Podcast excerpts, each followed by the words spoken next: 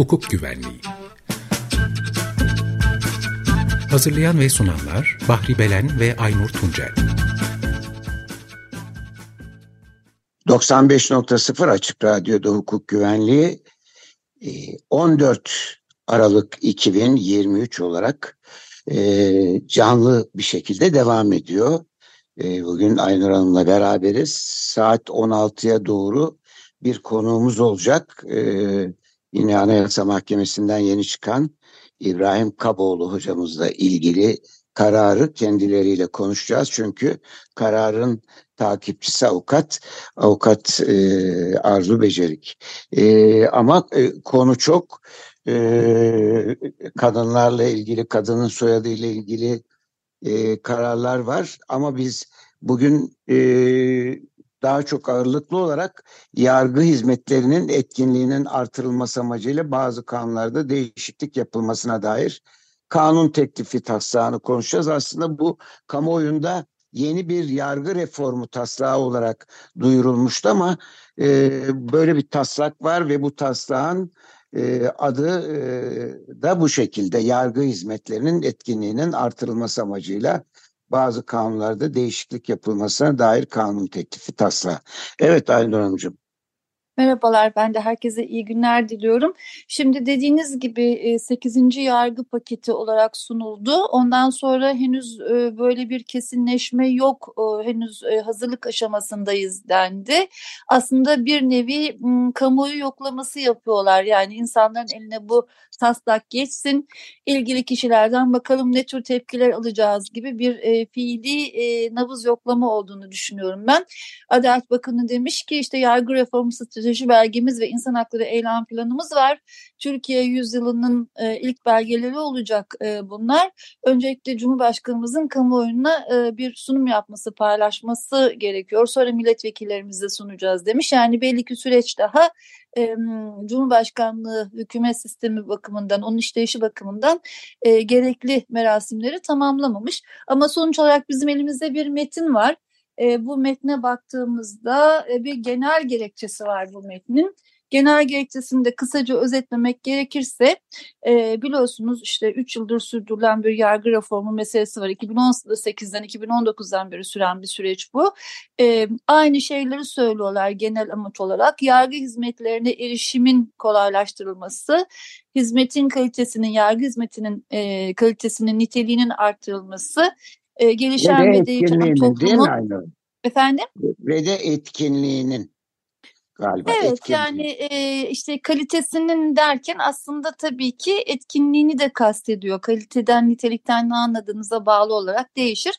Ama birincisi erişim yani herkesin Anayasa 36 ile kendisine tanınan hak arama özgürlüğünü fiilen kullanabilme olanaklarına sahip olması öngörülüyor ve bu kullanılırken de eşitlik kurallarına, adalet kurallarına uygun e, bir e, sonuca erişilmesi, adil bir toplum hedefine gidilmesinin amaçlandığı belirleniyor.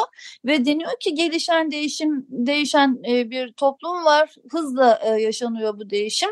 Dolayısıyla bu toplumdaki bu değişim toplumsal gereksinimlere de aynı oranda yansıyor bizler de yasalar yoluyla bu toplumsal gereksinimleri e, yenilikler yaparak, yeni düzenlemeler yaparak karşılamaya çalışıyoruz ve böylelikle olası hak, e, hak kayıplarının da önlenmesine çalışıyoruz.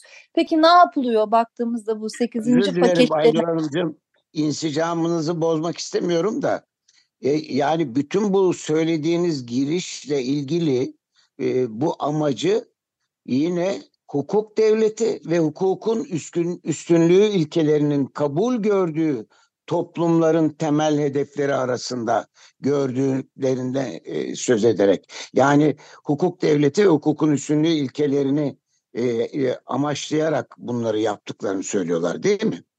E, öyle olmak zorunda çünkü anayasanın başlangıç ilkelerine baktığımızda ve değiştirilmesi dahi teklif edilemeyen e, ikinci maddesine baktığımızda Cumhuriyet'in nitelikleri e, sayılı orada E, bunlardan bir tanesi de insan haklarına saygılı olmak ve hukuk devleti olmak ve demokratik toplum olmak. Yani devlet demokratik olmak zorunda, insan haklarına saygılı olmak zorunda ve hukuk devleti ilkesine bağlı olmak zorunda. Tabii hukuk devleti kavramı nedir? Hukukun üstünlüğü kavramı nedir?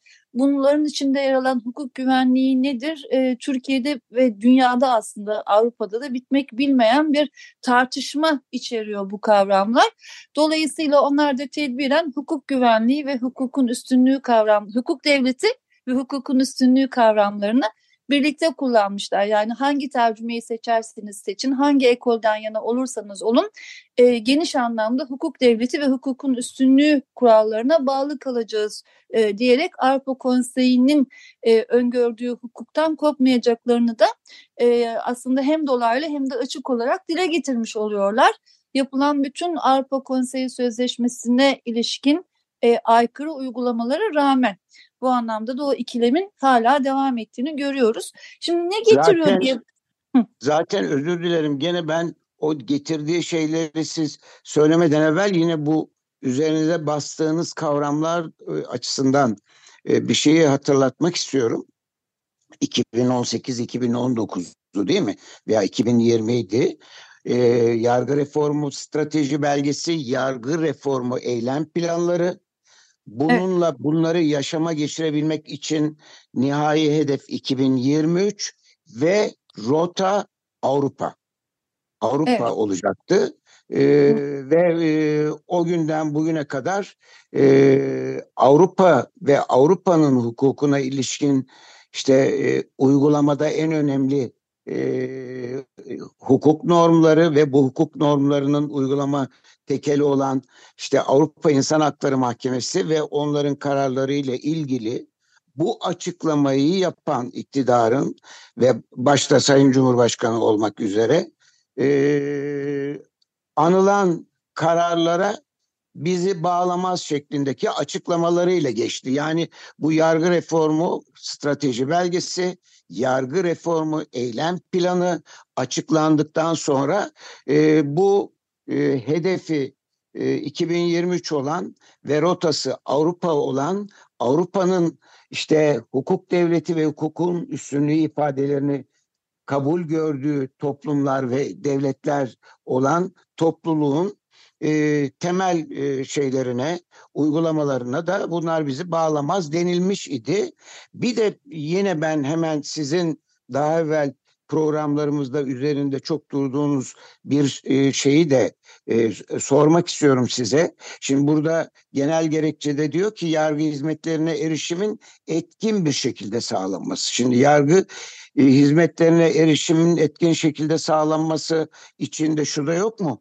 Anayasa Mahkemesi'nin verdiği emredici 153. maddeye rağmen bu 153. maddenin uygulanmaması sonucunda işte diyelim ki hak ve özgürlükleri engellenen işte halkın seçtiği halkın iradesiyle parlamentoya gitmesi gereken bir Can Atalay'ın mesela halen mağdur olması onun e, yargı hizmetine erişiminin engellenmesi anlamına gelmiyor mu?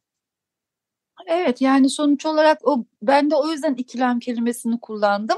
Bir taraftan e, Avrupa Konseyi'nin e, yürütme organı olan yani İnsan Hakları Mahkemesi'nin verdiği kararların e, ulusal makamlar tarafından uygulanıp uygulanmadığını denetleyen e, makam olan Bakanlar Komitesi'nin sizin sözünü ettiğiniz işte Kavala de, e, ve e, Demirtaş, kararları başta olmak üzere özellikle sözleşmenin 18. maddesiyle ilgili belirlenen mahkemece belirlenen ihlal durumlarının giderilmesiyle ilgili süreçler devam ederken hem Cumhurbaşkanı'nın hem ilgili diğer makamların e, ulusal makamların yorumlarının önde gittiğine ilişkin tutumları ve İnsan Hakları Mahkemesi kararlarına karşı bir direniş gösterilmesini sağlayan ya da yapılan direnişleri koruyan yaklaşımları var. Bir taraftan da yine sizin dediğiniz gibi Anayasa Mahkemesi'nin rolünü e, değiştiren Anayasa Mahkemesi kararlarının bağlayıcılığına ilişkin kural yürürlükte olduğu halde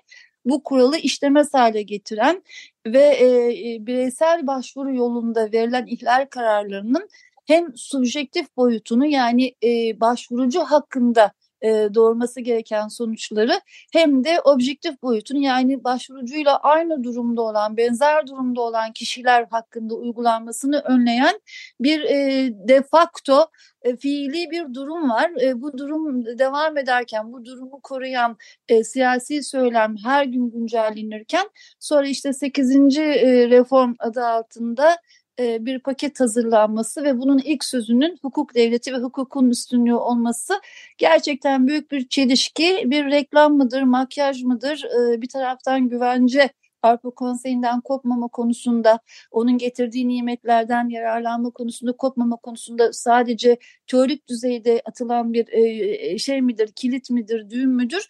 Bunu bilemiyorum ama inandırıcılığı konusunda ciddi sıkıntımız var. Biraz sonra ben e, bir konuya önem vereceğim. 2-3 dakikayla paketin içinde neler var müsaadeniz olursa onları açıkladıktan sonra sizin de başta söylediğiniz gibi kadının soyadını seçmesiyle ilgili Anayasa Mahkemesi'nin verdiği iptal kararı sonrası biz yeni bir düzenleme yapıyoruz bu paketin içinde diyorlar ama aynı düzenlemeyi geri getiriyorlar. Dolayısıyla bu aslında bu paketin içinde de Anayasa Mahkemesi'nin iptal kararlarına karşı açık bir direnmeyi koruyan tavrın e, varlığını e, ortaya koyuyor. E, dolayısıyla böyle ilginç, e, anlaşılmaz, e, niye konuştuğumuzu bize bir daha bir daha düşündüren e, bir uygulama demetiyle karşı karşıyayız. Müsaadenizle ben paketin içinde neler var bir iki kelimeyle cümleyle onu özetlemek istiyorum. Paket şunu söylüyor biz ceza muhakemesi kanunuyla hukuk muhakemesi kanunu arasındaki zaman hesabı özellikle yasa yollarına Ve de icra iflas kanunu. Ve de icra iflas kanunu. Yok, onu biraz sonra söyleyeceğim. Süreler evet. bakımından tabii onu da söyleyebiliriz. Yani ceza muhakemesiyle icra iflas kanunu ceza muhakemesiyle e, hukuk muhakemesi kanunu arasındaki zamansal hesaplamalarla ilgili farklılıklar var. Farklı düzenlemeler ve bu düzenlemelerin uygulanmasıyla ortaya çıkan farklı sonuçlar var. Bu sonuçları ortadan kaldırmak için biz e, bir eşitleme e, kanunlar arasında zaman hesabı bakımından bir eşitlenme yapmak istiyoruz diyorlar ve gün hesabı yerine hafta ya da ay ölçütünü getirdiklerini söylüyorlar. Bunun özellikle e, temiz gibi, istinaf gibi, itiraz gibi e, yasa yollarına başvuru sürecinin nasıl işletilmesiyle ilgili olduğunu söyleyelim. Yine Anayasa Mahkemesi geçtiğimiz aylarda bir iptal kararı vermişti. E, biliyorsunuz Türkiye uygulamasında hakimler duruşmada e, kısa karar tepkim ederler. Yani e, duruşmada olanların yüzüne karşı kararın özünü söylerler. Davanın kabulüne, reddine, kısmen kabulüne, kısmen reddine, sanığın beraatine, e, sanığın mahkumiyetine 3 ay verilmesine 10 yıl verilmesine de böyle çok kısa kararlar açıklarlar ama o kararın gerekçesini üzerinde en geç 15 gün içinde çalışarak e, yazarak taraflara tebliğ etmeleri gerekir. İşte tebligatla tepkim arasında geçen sürelerde kanun yolları işlediği için e, bu arada hak kayıpları söz konusu oluyordu. Mahkemelerin yüzü okudukları kısa kararlarda olmayan ayrıntılar gerekçeli kararlarda gündeme geliyordu ve e, kısa kararı lehine zanneden, kabullenen ama gerekçeli kararda aleyhine bir şey gördüğünde kanun yoluna başvuran kişilere sen süreyi geçirdin, kanun yoluna zamanında başvurmadın deniyordu. İşte Anayasa Mahkemesi bu konuda bir iptal karar vermişti. Artık tepkimle değil, e, gerekçeli kararın tebliğiyle ilgili diye o konuda bir değişiklik yapılmış. Yine noterlik kanununda bir takım değişiklikler var e, ve biraz sonra sözünü edeceğimiz Türk Medeni Kanunu'nda da e, kadının soyadı ile ilgili e, ve soybağının reddi ile ilgili düzenlemeler var, var. Ama asıl olarak şunu fark ediyoruz.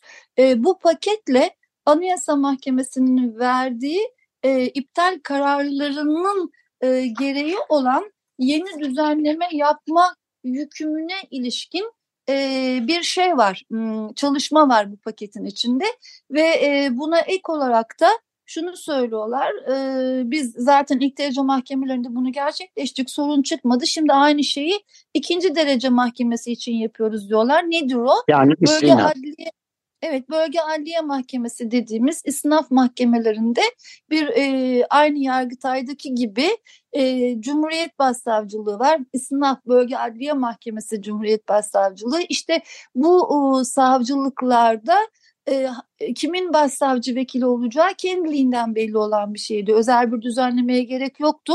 En kıdemli olan Cumhuriyet Savcısı e, bu görevi icra ederdi. İlk derecedeki gibi şimdi isnaf mahkemelerinde de benzer bir değişiklik getiriyorlar. Diyorlar ki artık en kıdemli olan kendiliğinden bu görevi icra etmeyecek. Bunu da hakimler, savcılar, yüksek kurulu belirleyecek. E, önce iyi gibi geliyor bu insana çünkü hakimler ve savcılar yüksek kurulunda hakimlerin ve savcıların temsilcileri var. Onlar kendileri belirlesinler. İlla da en yaşlısı olsun e, diye bir kural olmasın. En verimli kim çalışacaksa o olsun gibi düşünülüyor. Ama e, Hakimler Savcılar Yüksek Kurulu'nun başındaki kişinin e, Adalet Bakanı olduğunu hatırladığımızda durum e, farklılaşabiliyor. Buna İkinci kişinin de onun müsteşarı olduğu aklı düşününce. Evet yani dolayısıyla böyle bir sıkıntı var. Peki fiilen e, ne oluyor ona bakalım. E, bir de şey var unuttum söylemeyi. E, biliyorsunuz hakaret suçu aslında Türkiye'de ve Fransa'da e, suç pek çok kanunda suç olmaktan Avrupa Konseyi'nde çıkarıldı. Yine Avrupa Konseyi'nin e, bir e, e, kuruluşu, organı tarafından da e, Venedik Komisyonu tarafından, insan hakları komisyonları ve komiserler tarafından açıklanan pek çok görüşte ve raporda da e, Türkiye'ye çağrı yapıldı ve hakaretin suç olmaktan çıkarılması, en azından kabahat haline getirilmesi, suç olarak kalacaksa da e, sadece adli para cezasıyla sınırlı e, bir e, yaptırımı e, öngörebilmelerini e, önermişlerdi.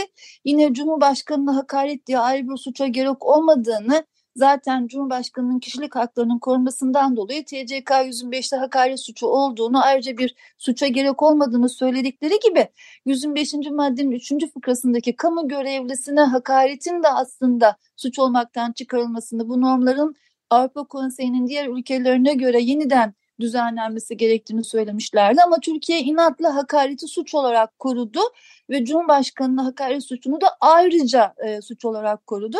Çünkü sıradan hakarette 3 aydan 2 yıla kadar hapis cezası var iken TCK 299'da 1 yıldan 4 yıla kadar hapis cezası var. Yani cezalar da farklı, uygulamalar da farklı. İşte şimdi hakaret suçunda bir değişiklik var. Ben de zannettim ki bu 125 3 değişiyor ya da 299 değişiyor. Hayır. Sadece e, Umutlusunuz yani. çok işte diyorum ya bizde bir saflık var yani kendimize gel gelemiyoruz bir türlü. Sadece 125. madde uzlaşmaya tabi bir suçtu. Yani eğer bir hakaretle ilgili şikayet olursa hemen iddianame düzenlemiyordu savcılar e, soruşturma yaptıktan e, sonra eğer suç olduğunu düşünüyorlarsa öncelikle dosyayı uzlaştırma masasına gönderiyorlardı ve uzlaştırmanın ayrı savcılığı vardı. O taraflar arasında uzlaşmayı sağlamaya çalışıyordu uzlaştırmacı atayarak. E, bunun nedeni de aslında yargı dışı yollara başvurma geleneğinin arttırılması, toplumsal barışın sağlanması ve adliyenin iş yükünün azaltılmasıydı. Çünkü adliyenin e, pahalı bir hizmet olduğu için adalet hizmetleri ağır suçlar için, ciddi suçlar için çalışması gerektiğine ilişkin bir beklenti ve Birleşmiş Milletler camiasında bir eğilim var. Türkiye'de zaten buna uygun adımlarını attı ve uzlaştırmayı kabul etti. Fakat e, şimdi ne yapmışlar? Uzlaştırma kapsamından çıkarılıp ön ödeme kapsamına almışlar. Ön ödeme nedir? E, ceza kanunumuzun 75. maddesinde düzenleniyor. Kişiye e, kendisiyle ilgili bir e, suç duyurusu geldiğinde e, kural olarak e, 6 ayı geçmeyen suçlar bakımından böyle bir genel kural var. Yani çok basit suçlar bakımından savcılık bir tebligat çıkarıyor. Diyor ki şu kadar süre içinde şu kadar lira parayı öderseniz o parada nasıl belirleniyor? Ee, iddia edilen, işlendiği iddia edilen suçun karşılığı olan cezanın e, gün para cezasına yani günlük şu kadar günlük 30 liradan paraya çevrilmesiyle belirlenen bir rakam şu kadar lirayı öderseniz hakkınızda kamu davası açılmayacak. Yani bir anlamda bir pazarlık gibi kişi suçlu olduğunu düşünüyorsa yargılanmak istemiyor ve o para cezasını ödüyor. Böylelikle hakkında kamu davası açılmıyor. Ama yok hayır farklı düşünüyorsa süresi içinde ön ödemeyi ödemezse hakkındaki soruşturma tamamlandığında iddianame yazılabiliyordu. Bir de istisnalar vardı. Bu istisnalarını da şu an zamansızlıktan saymak istemiyorum ama örneğin kamu görevlisinin suçu ihbar etmeme hükmü gibi buradaki e, suçlarda 6 ayı aşan üst sınırı bir yılı geçmeyen suçlarda e, dolayısıyla kural olarak 6 ay istisna 4-5 suç bakımından da bir yılı geçmeyen suçlar bakımından ön ödeme yolu açıktı. İşte şimdi hapis e, cezası iki yıla kadar olan e, bir suç var karşımızda hakaret suçu. Hakaret suçu bakımından ön ödeme yolu gelmiş. E, öncelikle kişilere e, para miktarı belirlenen bir tebligat yapılacak. Şu kadar parayı öde ödemezsen hakkında kamu davası açılabilir diye. Dolayısıyla aslında Avrupa'nın dediğini kulağımızı ters yönden göstererek yapıyoruz. Yani Avrupa ne diyor? bunu ceza hukuku enstrümanlarıyla karşılama. Tazminat hukukuna ilişkin güvenceli yollar seç hakaretine düzenle.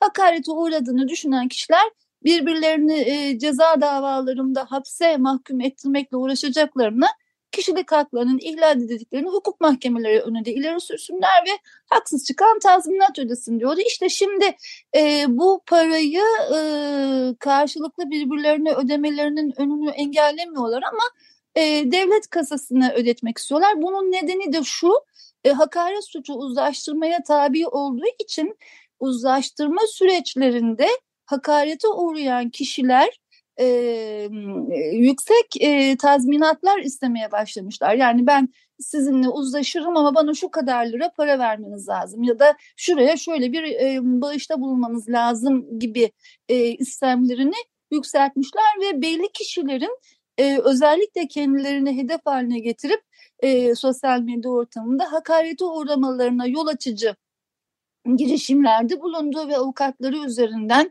bunları tarayıp davalar açarak e, suç duyurularında bulunarak e, suçlu olduğu düşünülen, suçlu olduğu gösterilen kişilerin kendilerine tazminat ödemelerini sağladıkları böylelikle bir haksız e, ya da işte hakkın kötüye kullanılması yoluyla haksız demeyeyim de e, bir olanağın e, abartılı kullanması yoluyla adliye üzerinden bir para kazanma yolunun açıldığı iddiası vardı. Bunun çok örneği var Türkiye'de. İşte bunu kesmek için e, uzlaştırmadan çıkarmışlar, ön ödeme kapsamına almışlar. E, bir de adli para cezaları Türkiye'de gün üzerinden hesaplanıyor. E, bir güne 20 ila 100 lira arasında bir para ödeniyordu. Bunu arttırmışlar. E, en az 100 lira, en çok 500 lira üzerinden e, bir günlük adli para cezası paraya çevrilecek. E, kısaca e, genel anlamda e, bu paketle ilgili bunları söyleyebilirim. Bir de şey var, infaz kanunu 105A maddesi var. Biliyorsunuz bir denetimli serbestlik e, düzenlemesi getirildi yeni bir infaz modeli olarak sunuldu. Şöyle dendi. Bizde e, hapis cezası 3'e ayrılıyor. Önce kapılıda 3'te biri çekiliyor. 3'te 2'de 3'te 2'si açık cezaevinde çekiliyor. E, bu e, Covid nedeniyle bir takım düzenlemeler yapılmıştı hatırlarsanız. E, açık cezaevine çıkan kişilerin izinli olarak evde kalmaları e, gündeme gelmişti ve 31 Temmuz 2023'e kadar da Evet bu izin süreleri uzamıştı ve koşullu salıverme e, denen üçüncü bölümde ise e, denetimli e, serbestlikle ilgili bir düzenleme gelmişti. Eğer açık cezaevine alınanlar e, koşullu salıverilmelerine bir yıl kalmış ise erken tahliye ediliyordu. Sonra bu 3 yıla falan çıkarıldı. İşte bu kamu, e, hatta e, bu 7242 sayılı kanunla Covid zamanında çıkarılan 30 Mart 2020 öncesinde işlenen suçlar bakımından e, pek çok kişi e, kısa sürelerle cezaevinden çıkmışlardı ve e, fiilen neyi biliyorduk? 6 yıldan az hapis cezası olan kişiler girdi çıktı yaparak bir gün cezaevinde kalarak evet, girdi e, çıktı diye bir tabir e, yani ceza hukukuna bir girdi çıktı diye bir tabir yerleşmişti. Evet yani e, cezasızlık kültürü üremişti. İnsanlar artık neyi biliyorlardı? 30 Mart 2020 öncesinde işlediğim suçlar bakımından ceza alsam bile hiç hapis yatmayacağım. E tabii e, madem böyle bir kanun çıktı bu kanun ileride de çıkabilir diye düşünülerek sonra da biliyorsunuz bu geçtiğimiz yazda bunun kapsamı da genişletilince belli suçlar tekrar kapsam içine alınınca işte 10 yıl öncesi 10 yıl altı 10 yıl üstü bir ay 3 ay gibi bir takım süreler getirilip içeride kalanlar da bazı suçlar bakımından tekrar dışarı çıkarılınca toplumda bir e, mahkemelerin verdiği mahkumiyet hapis cezaları bakımından kararların infaz edilmeyeceğine ilişkin bir e, beklenti ve güvensizlik oluştu. E, işte ve de tabii e, bu, sayın... bu bu ve özür dilerim ve de bu toplumda tabii e, yani e, verilen ceza nasıl olsa bir gün af çıkar. E, ama evet. af değil kan diyorlar ki af değil bu işte e, cezaların infazı kanununda infaz kanununda değişiklik aslında biz de hep buradan açık radyodan da söylüyoruz ki bu aslında bunlar gizli aftır ve işte evet. mesela o gün Samas'la ilgili e, serbest bırakılmasıyla ilgili infialin sebeplerinden biri de aslında infaz yasası denilen yasalarla getirilen gizli af. Bunun için toplumda büyük infialler oluştu. Evet işte bu e, açık cezaevinde beklerken koşullu salı verilmesine bir yıl kala, üç ay kala, e, üç yıl kala gibi kurallardan dolayı insanlar hiç içeride yatmama ya da açığa çıktıkları gibi e, bakiye cezaları bu sınırların altında kaldığı için tahliye edilmeleri ne ilişkin bir e, süreç yaşadıkları için e, bu rahatsızlık e, vermiş toplumda. Nihayet e, Adalet Bakanlığı bunu fark etmiş. Cezasızlık algısı ortadan e, kaldırılmalı diyor Adalet Bakanı. Suç işleyenin yanına kar kalmamalı diyor sağ olsun. E, bu düzenlemelerden dolayı hiç cezaevinde barındırılam barındırılamadı bazı e, suçlu sayılan kişiler diyor. O yüzden biz böyle bir yıl gibi süreyi otomatikman e, dışarıya çıkma olarak e, e, şey yapa uygulatan bu düzenlemeleri yeniden düzenliyoruz ve bir orantısallık getiriyoruz. Nedir o efendim? Belli bir süreyi bir ay hapis cezası bile alsa kişiler artık fiilen infaz kurumunda e, kapalı tutularak geçireceklermiş ve bizim sihirli 12 gün formülümüze yine ulaşmışlar. Yani ben hep şunu söylüyorum bunlar Noel Baba gibi sıkıştıkları zaman e, ilga ettikleri yürürlükten yargı reformu adı altında 2005 yılında yürürlükten kaldırdıkları e, ceza hukuku normlarını e, bir torbaya tıkıştırmışlar Noel Baba'nın torbası diyorum ben ona. Böyle toplumda bir sıkıntı olduğu zaman o torbaya ellerini daldırıp eskiden ilga ettikleri bu enstrümanları yeniden gündeme getiriyorlar. Hatırlayınız e, Sayın Üstadım siz benim büyüğümsünüz. 647 sayılı infaz kanunu vardı 2005'ten önce. Nasıl yatılıyordu? Bir ay 30 gün sayılıyordu. Kanuni düzenleme gereği 30 günden 6 gün indirilirdi. Geriye 24 gün ek kalırdı. ikinci 19. maddenin ek ikinci fıkrası değil evet, mi? Evet onun da yarısı alınırdı. Bir ay 12 gün yatılırdı. Dolayısıyla ben 12 kere 12 144 bir ay hapis ceza bir yıl bir yıl hapis cezası olan müvekkilime derdim ki siz fiilen 144 gün yatacaksınız. Yani bu ABC gibi adı, adı belliydi. İşte şimdi yine onu fiilen yürürlüğe sokmaya çalışıyorlar. Diyorlar ki suçluluk kabul edilen kişi bir ay hapis cezası almış olsa bile cezasının en az yüzde kırkını çekecek. Yani 30 gün üzerinden 12 günü hapis e, hanede geçirecek diye bir düzenleme getiriyorlar sağ olsunlar. E, dolayısıyla e, genel durum bu. Şimdi ne kadar süre kaldı bilmiyorum e, ara vermeye. Aslında süre kalmadı galiba ara vermeye. Aslında beni en çok rahatsız eden kısaca e, söyleyeyim ama siz beni uyarın lütfen süre bakımından. Bitiremediğim yerde keselim. Ben bunu bir kadın hakları savunucusunun olduğu e, bir e, toplantıda mesela yurt dışında olmasaydı bugün Hülya Hanım bize katılacaktı. E, Hülya Gülbahar ya da Nazan Moroğlu gibi ya da kadın platformunun önerdiği, seçtiği bir kadın hakları savunucusunun ağzından da dinleyicilerimizin dinlemesini isterim. Çünkü Anayasa Mahkemesi e, Medeni Kanun'un 187. maddesini iptal etmişti. Ne zaman iptal etti? Bu yılın 22 Şubat'ında ve bu karar 28 Nisan tarihli resmi gazetede yayımlandı. 9 ay sonra da yürürlüğe girecek. Ne zaman? Yani 28 Ocak 2024 e, tarihinde e, bu e, karar yürürlüğe girecek ve e, Medeni Kanunu 187. maddesine artık e, yok e, muamelesi yapacağız. Meclisin ne yapması lazım? Bununla ilgili yeni düzenleme yapması lazım. Nedir 180. madde? Kadının soyadıyla ilgili bir madde. Diyor ki e, evlenen kadının soyadıyla ilgili kadın evlenmekte kocasının soyadını alır. Ana kural bu. Ancak diyor evlendirme memuruna e, evlenme e, öncesi ya da evlendikten sonra da nüfus idaresine e, nüfus idaresinde yapacağı bir başvuruyla kocasının soyadının önünde önceki soyadını da kullanabilir. Aynı benim yaptığım gibi. E, ben 10 yıllık avukatken evlendim. Soyadım Tuncel. Gidip de Yazgan olarak değiştirmedim nüfusumu ve baroda da bir yılın kıyamet kopardım. Ben Tuncel olarak kaldım. 94'te evlendim. 2004'e kadar Tuncel olarak fiilen kendimi kurdum ama 2004'te benim cüzdanımı çaldılar. E, kimliğim de gitti. Mecbur kaldım. Nüfus idaresine gittim. Bana Aynur Yazgan diye bir kimlik çıkardılar. O kadar sinirlendim ki.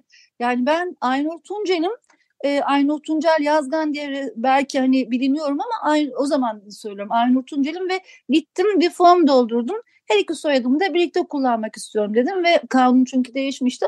Aynur Tuncel Yazgan'ım. Şimdi bakın ne yaptım ben evlendim. Evlendikten sonra kocamın soyadının önüne babamın soyadını aldım. Gerçi biri kocamın biri babamın ne fark eder? İkisi de benim değil ama sonuç olarak doğduğumdan beri yaşadığım kendimi bildiğim e, sözleşmenin 8. maddesi, anayasanın 20. maddesi gereği özel yaşamın gizliliği e, hakkı ve aile yaşamına saygı hakkı perspektifi içinde yine Anayasa 17 içinde kişinin maddi ve manevi varlığının korunması, e, İHAS 3 ana e, kişinin e, hukuki dokunulmazlığı kapsamında benim bir isim hakkım var ve bu isim hakkım benim e, kopmaz vazgeçilmez bir parçam e, toplumsal e, tanımlanmamda, kişilik hakkında, birey olarak korunmamda.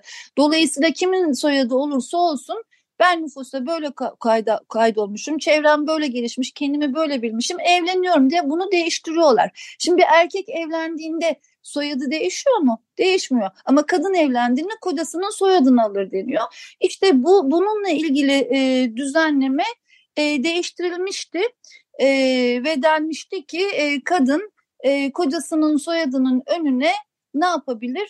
E, kendi soyadını da şey e, önceki soyadını da alabilir denmişti. E, ama eğer kadın evlenmeden önce zaten iki soyadı taşıyor ise bu ne zaman olmuştu? 97 yılında yani aslında bizim medeni kanunumuz 2001 yılında değişti.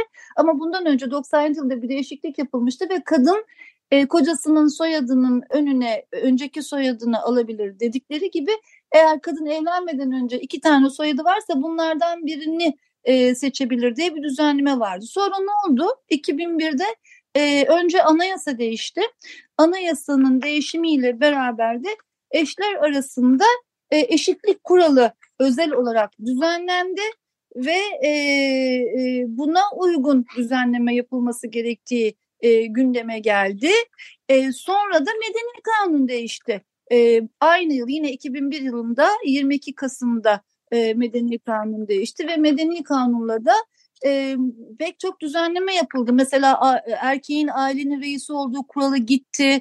E, kadının çalışması için erkekten izin alması kuralı gitti. Bu e, kadın ve erkek arasındaki eşitliğin e, sağlanması ve devlet tarafından gerekli ödevlerin, tedbirlerin alınması ile ilgili ödevlerin yerine getirilmesiyle ilgili kurala uygun pek çok düzenleme yapıldı. Ama soyadı ile ilgili bir değişiklik olmadı. 97'de iyileştirilen yani eskiden sadece kocasının soyadını kullanabilirken artık kocasının soyadının önüne e, babasının soyadını da alabilen kadınla ilgili düzenleme 187'de kaldı e, 180. madde ile ilgili işte İstanbul 8. Aile Mahkemesi bir e, iptal davası daha doğrusu bir itiraz yoluna başvuruda bulunmuş ve demiş ki bu kural eşitliğe aykırıdır. Çünkü bir erkek evlendiğinde soyadını değiştirmesi gerekmiyor ama kadının soyadını değiştirmesi gerekiyor. Eğer kadın önceki soyadını kullanmak istiyorsa da bir yerin başvuru yapması, prosedürlere uy uygun hareket etmesi gerekiyor. Bu kadına getirilen bir ek e, ekstra bir yükümlülüktür. Bu da eşitlik kuralına aykırıdır denmişti. İşte e, Anayasa Mahkemesi bunu inceledi ve dedi ki bu davadaki kadın sadece e, ilk soyadını kullanmak istiyor. Yani kocasının kocasınınkini değil babasınınkini kullanmak istiyor.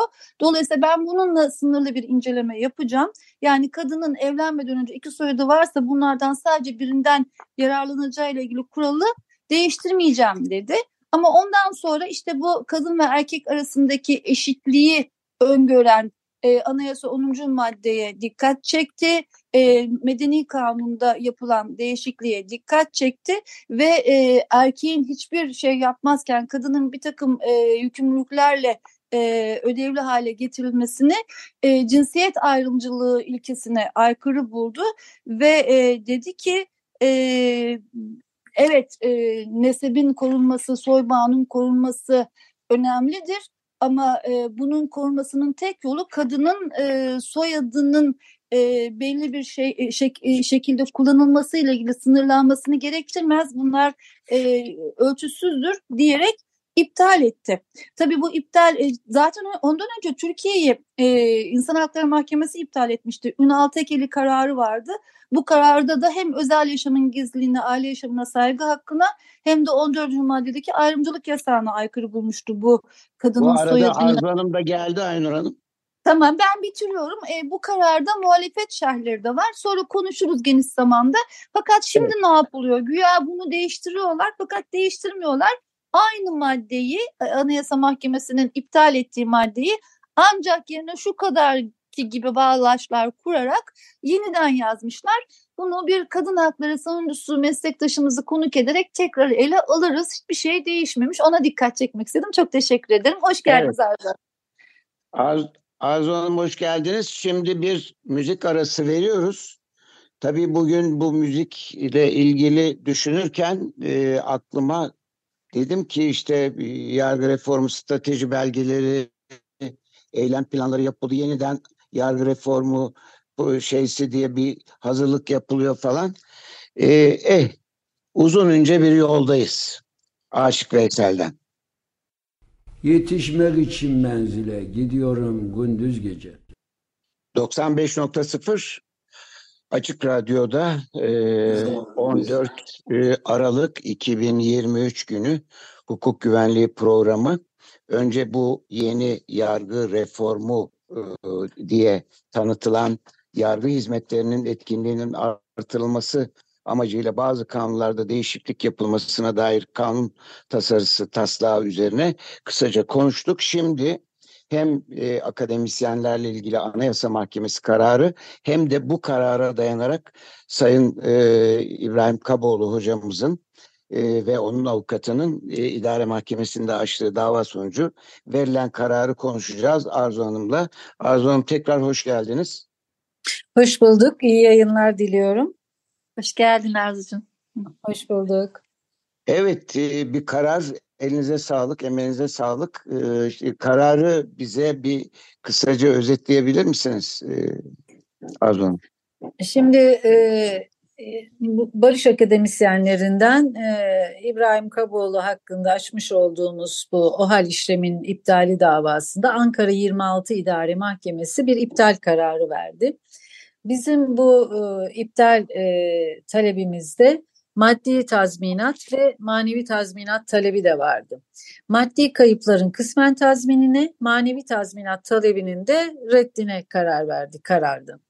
Şimdi bu kararın bir özelliği manevi tazminat kararında e, oy birliği yok, oy çokluğuyla alınmış bir tane karşı oy var e, tazminata hükmedilmesini e, öneren.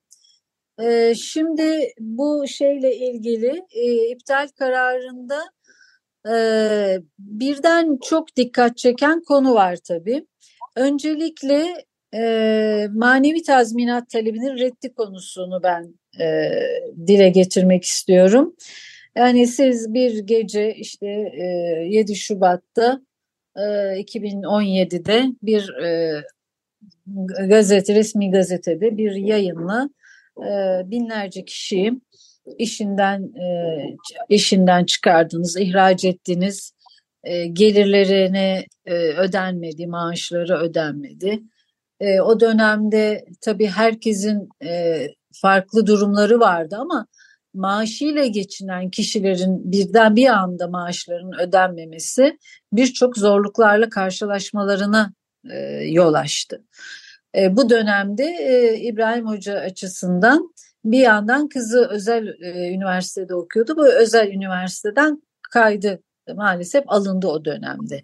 Bir durdurma yapıldı ama gidemedi çocuk e, o dönemde. Şimdi mutlaka etkileri var. Nasıl oluyor da bundan e, yaklaşık 6 yıl sonra bir karar veriliyor o hal e, işlemlerinin e, usulsüz olduğunu, iptaline karar veriliyor. O zaman bunun aradaki zararları da gidermeniz gerekiyor. Buradaki en dikkat çeken şey e, en basiti diyeyim. En dikkat çeken değil en basiti olarak bunu söylüyorum. Ama şimdi aslında iptal kararında değişik bir şey daha var. İdari mahkemesinin kendini ceza mahkemesi yerine koyduğunu görüyoruz. Ha, şimdi şaşırıyor muyuz, şaşırmıyor muyuz o başka ama bunlar da yeni bir şeylerden yani yeni bir tarzdan. İdari mahkemesi barış akademisyenlerinin ceza dosyalarında beraat edilmiş olan biliyorsunuz İbrahim Hoca da beraat eden akademisyenlerdendi. Anayasa Mahkemesi'nin kararı doğrultusunda ceza mahkemeleri ana, e, beraatlerine karar verdi. Şimdi bu beraat kararını değerlendiriyor idare mahkemesi. Ve beraat kararını kendisi e, diyor ki her ne kadar diyor beraat kararı diyor verilmişse de diyor. Ayrıca diyor bu diyor bizim diyor araştırmamıza engel değil diyor. Yani bu inanılır bir yaklaşım değil. Kendisi emniyete sorgu yapıyor. Valiliğe e, müzekkere yazdı. E, dedi ki e, bu kişi hakkında sizlerin yaptığınız bir araştırma ve e, buna göre bir e, değerlendirme var mı? Ama zaten o araştırma ceza mahkemesinde yapılmıştı. Ceza mahkemesi herkesin bildiği gibi serbest delil ilkesine dayalı en yoğun araştırmanın yapılabileceği bir alan. Yani ceza mahkemesinin beraat kararını e, onu geçiyorsun bir de esastan beraatin araştırılmasını yapmak idare mahkemesince ne demektir? Biz burada bununla karşılaştık. E, bu e, öncelikle yani e, ben yani ben e, ceza mahkemesinin verdiği araştırmayı kararı değil kendi araştırmamı bilirim diyor öyle mi? Evet ama sen idare mahkemesisin sen bunlara bakamazsın ki. Senin bakacağın o yapılan işlem e, hukuka uygun mu değil mi? Siz dediniz ki teröre iltisak irtibat var. E, bunu ceza mahkemesine gönderdiniz. Ceza mahkemesi bunu inceledi ve karar verdi. Şimdi bu neyin e, takdir yetkisini üzerine almak ya da neyin yetki gaspıdır? Burada şöyle geliyor bana yani bunu çok e, açık şekilde söyleyeceğim. Bir, artık mahkemeler kendilerini her konuda yetkili mi görüyorlar? Aa, ben şimdi bir şey yapacağım ama ben bir araştırayım bakalım. Sen ceza mahkemesinin elinden kaçtın ama hadi bakalım bir de benim elime gel bakalım. Bu mudur? Ya da acaba hakimler o kadar e, baskı altındalar ki kendileri bu iptal kararını verecek ama şunu mu demek istiyorlar? Bakın çok uğraştım ama yapacak bir şey bulamadım. Bakın emniyete sordum, emniyet de yok dedi. Valiliğe sordum, valilik de kendi araştırmasını işte MIT'e gönderdi. O da yok dedi. Bu mudur? Bu noktaya mı gelindi acaba? Bu dosyalarda artık ben e, bir de hakimlerin e, başvuranlar hakkında olumlu karar verirken çok çekindiklerini, baskı altında kaldıkları izlenimini edindi. Ben bu konuda bir şey söyleyebilir miyim müsaadeniz Tabii olursa? ki.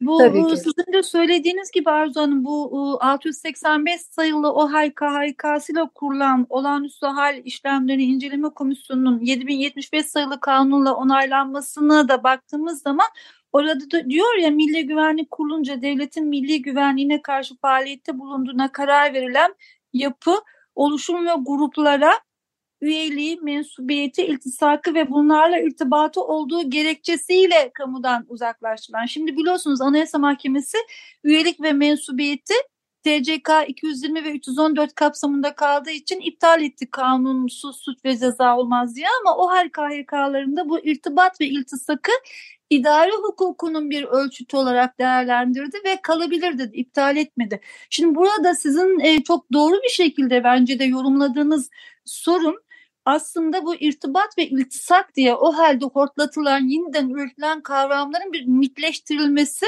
ve idarenin elinde irtibat ve iltisak bahanesiyle kişileri kamudan yeniden uzaklaştırabilmek için bir silah kurulması gibi bir şey var. Yani sanki tembihlenmiş gibi hakimler eğer idarenin bir kurulu irtibat ve irtisak dediyse artık onu tartışmıyor ve siz onu zaten öğrenene kadar da bir yıl sorun yaşamışsınızdır. Onların ad, şeye gelmesi, adli dosyaya gelmesi neymiş bu irtibat, neymiş bu iltisak? Aynen. Bilmiyorum sizin dosyanızda nasıl oldu süreç?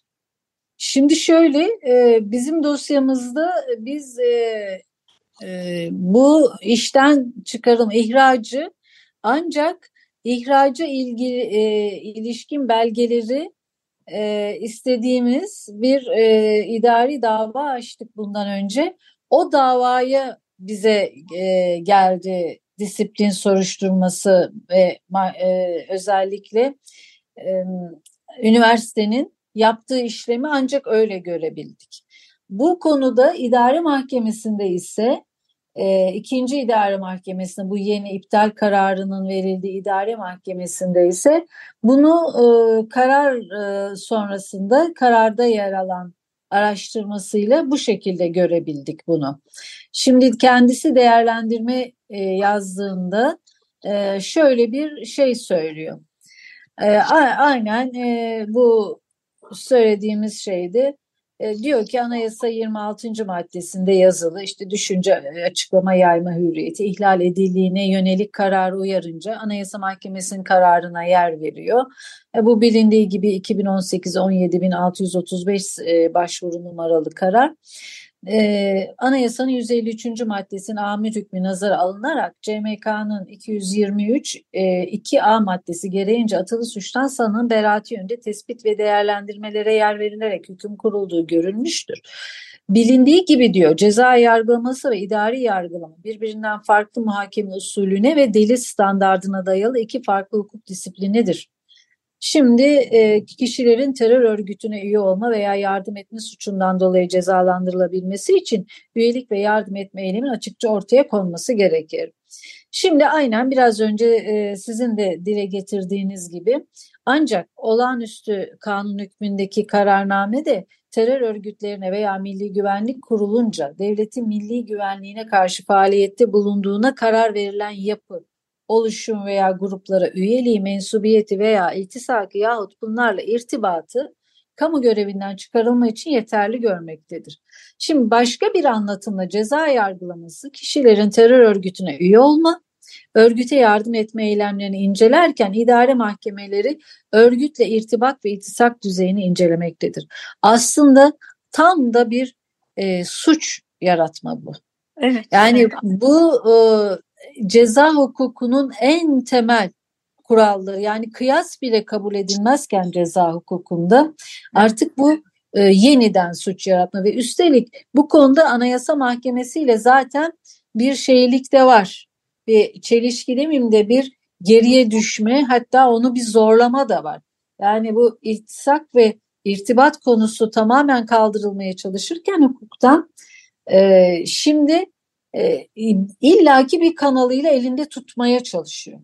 Yani evet. artık süper yetkili mahkemeler idare mahkemeleri mi olacak? Ya da bir kişi bir şeyden e, mahrum edildiğinde e, buna ilişkin gideceği hukuki yollar ne kadar birbirini tekrar eden ve ne zaman kesinleşmiş e, yani hukuk sizin programın adı da hukuk güvenliği ne zaman e, hukuk kesinliği, karar kesinliği ya da güvenliği konusuna gelecek. Yani biz burada kararda kaç yıl sonra yani bakın bu kadar da düşüne taşına e, verilmiş kararlar bunlar. E, özellikle biliniyor e, herkes e, bu kararlarla ilgili paylaşıyor ve başka haklarını da talep ediyor.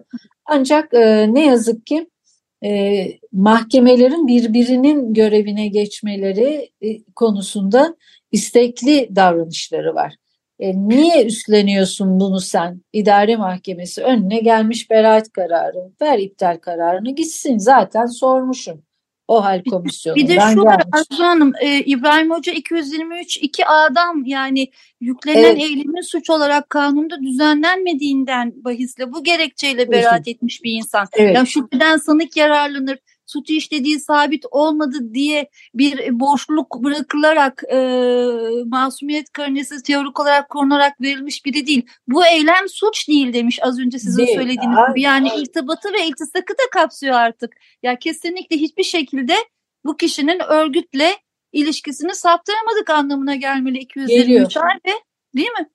Evet, evet kesinlikle öyle. Bu arada süremizin de sonuna geldik gibi. Eyvallah. Ay, e, Arzu Hanım'dan böyle son bir e, kısa kararla ilgili hem maddi tazminat hem de manevi tazminat konusundaki kararla ilgili bir özet de yaparsanız süremiz çünkü sonuna geldik. Peki, o zaman çok hızlıca şunu söyleyelim. Bir iptal kararı açısından iptal kararının uygulanması demek aslında göreve bir iade yapılması gerekir. Ee, burada İbrahim Hoca emekli olduğu için zaten e, iki ay kalmıştı emekliliğine. Ancak şöyle bir şey de var. Yani e, bir emekli edilirken bir takım şey geleneklerle, akademik geleneklerle bir uğurlama, bir ders verme yani bir şeyle göndermek gerekir insanları. Siz onların elinden bu haklarını da aldınız. Öğrencileriyle bu vedalaşma haklarını da aldınız.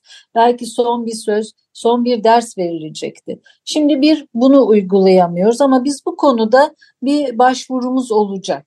İkincisi maddi tazminatta bir yanlışlık, e, yanlış uygulama var. Milletvekilliğinde alındığı alınan ücretleri buradan düşüyorlar.